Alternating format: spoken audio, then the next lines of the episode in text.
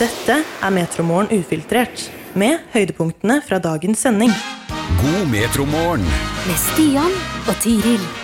Hei, og hyggelig at du har trykket på spill på denne episoden. Dagen i dag er onsdag 21. februar, og det er mange som har vinterferie nå. Og noen har vinterferie fra neste uke. Og på vinterferie med familien for eksempel, så kan det bli kortspill, brettspill. Og har du et sterkt konkurranseinstinkt, så kan det være særlig surt å tape for lillebror. Eller lillesøster, da, som du har sikkert har tatt for mange ganger. Det har jeg aldri gjort. Nei, ikke sant. Konkurranseinstinkt skal vi i hvert fall uansett innom i dagens episode, i tillegg til OL i Lillehammer, som jo er 30 år siden. Og vi skal innom hvordan du skal pakke bilen til vinterferien. Og finnes det matleveranse på fjellet? I går så hadde vi besøk i studio her av Harald Eia, som jo var veldig premiereklar som Oslo-losen i Vinnerskalle, som hadde premiere på TV2 og TV2 Play i går. Så du på det, Tiril? Det gjorde jeg. Jeg måtte det. Jeg liker konkurranser hvor eh, det er liksom mye konkurranse.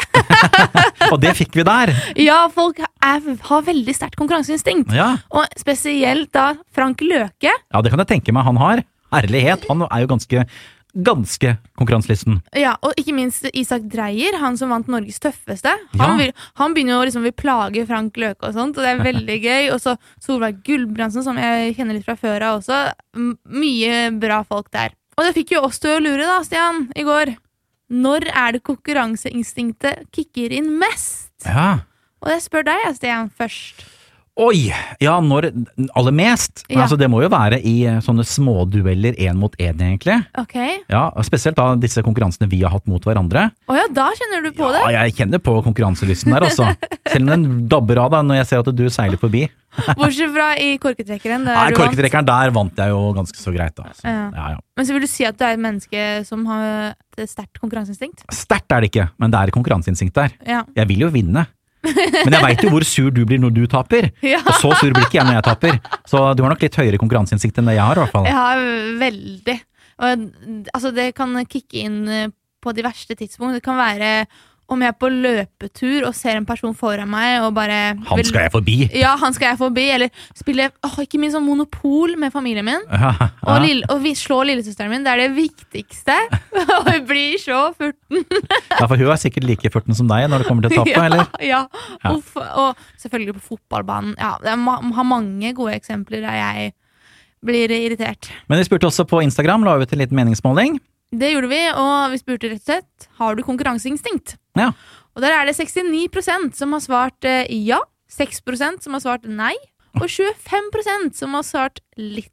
Litt, ja. Jeg er kanskje i den kategorien, jeg, da. Ja, og jeg er på ja, i hvert fall. Ja, du er i hvert fall på ja. hvert fall. Det kommer et og annet svar på Snapchat også, om når konkurranseinstinktet kicker inn mest, og det kommer vi tilbake til om ikke så altfor lenge. Dette er Metromorgen ufiltrert. Så Dagbladet i går. 'Jeg er Norges råeste', sa Frank Løke i anledning sin deltakelse i TV 2s nye realityserie Vinnerskalle. Såpass, ja. Ja, og da er det jo en konkurranse hvor man eh, skal rett og slett være best. Det er det, og han liker ikke å ikke være best. Åpenbart ikke. Men når er det konkurranseinstinktet kicker inn hos deg, har vi spurt om. På Snapchat, og vi har fått svar fra Sverrebass. Når dama vinner i kortspill. Ja, det er irriterende, det. Det er, må jo være det verste som fins. Da må vi i hvert fall ta en runde til. Så når vi damer også vinner Ja, Damer! Morten skriver her mitt konkurranseinstinkt dabbet av for mange år siden. Jeg drev med friidrett på ungdomsskolen og var kretsmester i flere grener. Wow, bra. Men det er lenge siden, det skriver han. Lene skriver 'på jobb med salg'. Å ja, ikke sant? Det er bra. Ja, da, for da må man alltid være bedre enn andre. Ja, du, du gjør en god jobb, ikke minst. Roger han uh, har aldri konkurranseinstinkt. Gidder ikke konkurrere om noe, skriver han. Kanskje like greit. Det er det verste jeg vet om, faktisk. De som ikke har noe konkurranseinstinkt. Å, du, du det er det verste du vet om, faktisk. Å spille kort med sånne mennesker, Oh, ja, det er ikke det noe gøy, det. Nei, nei, for du vil, vil at det skal være litt, uh, litt drama. Ja, selvfølgelig. At det skal være litt sånn frustrasjon og glede og følelser i sving, da. Ja, ja, ikke sant. Ja, viktig, viktig. Lene, en annen Lene altså, skriver Gjerne hvis jeg er ute og løper med en venninne. Ikke lett å holde igjen. Venninna mi kan si flere ganger Skal ikke dette være en rolig tur?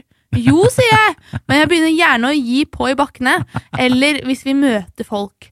Alt for å være først. Ja, ja, da. ja da, jeg kjenner et par av de der også. Rune han skriver på øldrikkekonkurranse. Da er det konkurranseinstinkt, sa Så har vi Jonsi som har svart oss. Han skriver uansett konkurranseinstinkt, alltid liker å være oppi der. Og så er det litt grann som delt her. Noen har det, andre har det ikke. Men vinne vil vi vel alle sammen, eller?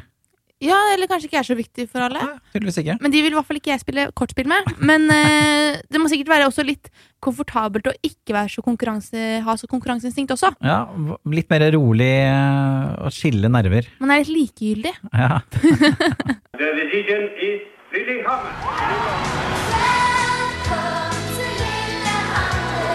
da, Bjørn Dæhlie vil vinne gullmedalje her i dag. Det er det ikke et menneske i verden som kan ta fra deg, Bjørn.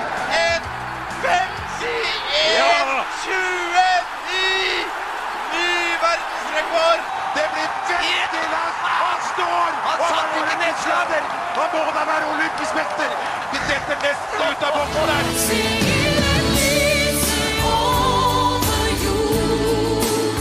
Det er 30 år siden OL på Lillehammer, og vi skrur tiden tilbake til 21. februar 1994. Og det startet med slalåmkombinasjon for kvinner, hvor det endelig ble et gull da til Sverige og Pernilla Wiberg. skal det bli Sveriges første gull for Pernilla Wiberg fra Norrköping.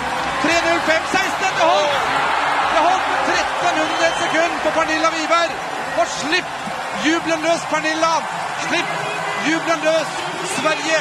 Den første gullmedaljen omsider for våre svenske venner. På Birkebeineren skistadion var det duket for 4 ganger 5 km stafett for eh, kvinner, med bursdagsbarnet kong Harald på tribuneplass. Og De russiske kvinnene var sterkest, men det ble et overraskende sølv til de norske langrennsjentene, med Anita Moen på siste etappe. Det er Anitas første olympiske medalje.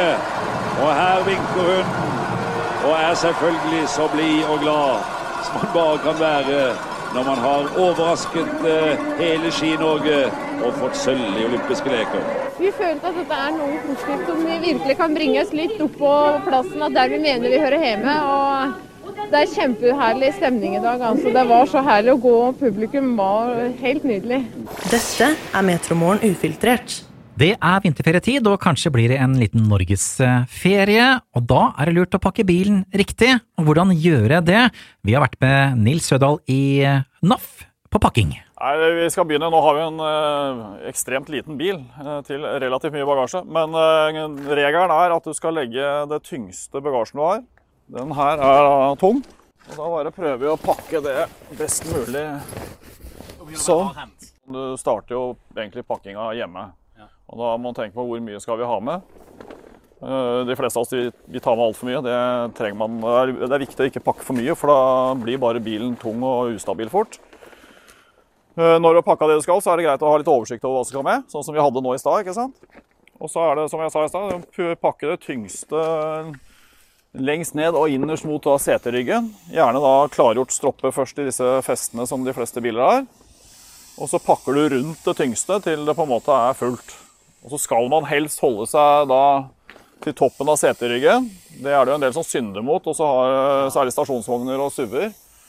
Eh, mange av de har jo sånn sikkerhetsnett Der. Bruk nå i hvert fall det eh, hvis man pakker over. Men helst holde, seg til seteryggen. Det er på en måte bagasjerommet. Så er det mange som velger å ha nå går ikke det på en sånn bil som dette her, men velger å ha takboksen på. Og da skal man være klar over noen vektbegrensninger som er i den. Og det er egentlig tre sånne vektgrenser du skal ta hensyn til. Det ene er hvor mye selve takboksen tåler. Det andre er hvor mye det takstativet som takboksen er festa til, tåler. Og den tredje grensa som du finner i bilens instruksjonsbok, det er hvor mye selve taket på bilen din tåler. Så de tre grensene, den laveste av de, så er du innafor. Og så er det inne i bilen, så er det det med løse gjenstander som eh, dessverre lager en del eh, ulykker eh, som ikke er nødvendig. Og da er det alt fra de minste harde ting til større ting som får voldsom kraft hvis du må bråstoppe eller kommer i kollisjon. Så er det, kan det potensielt være livsfarlig. Dette er Metromorgen ufiltrert. Oi. Det er voldsomt elevenakt. Ja, og om du hører denne lyden her Hvis du befinner deg eksempel på Sjusjøen, da. Ja. Ikke vær redd. Nei, Det er kun matlevering. det er kommet dit, ja. Å, det er gøy. ja, dronegründer Aviant er nå endelig klar med å levere mat og snus og tjukkis til hyttefolket på Sjusjøen. Ja, ok. Og de har testa ut. De har eh, nå 5000 hytter de leverer til. Wow! Det er så mange som vil ha levering på den måten. Ja, det er det. Og det kan levere sushi. Det er som Foodora eller Volt, da. Ja, ja, ja. Bare på fjellet. Fremtiden er her, men på fjellet først. På fjellet først. det er Merkelig nok. Men tenk hvordan den kan se ut, da, fremtiden. Hvis det her blir en greie i Oslo sentrum. Ja, dette her er det jo prat om eh, skal komme om ikke så altfor lenge. At det blir levering med droner. Men da kommer jo dronene til å krasje i hverandre, og det blir jo helt kaos. Det kan fort bli litt kaos, ja. Vet ikke, men eh, det bråker mye, da. Ja, og det er det eneste negative her. Det er mye støy. Ja, Og det har også hyttefolket på Sjusjøen reagert på. Men eh, som han sjefen i Aviant sier, lyd er et teknisk problem vi kan løse. ja ikke sant? Mm.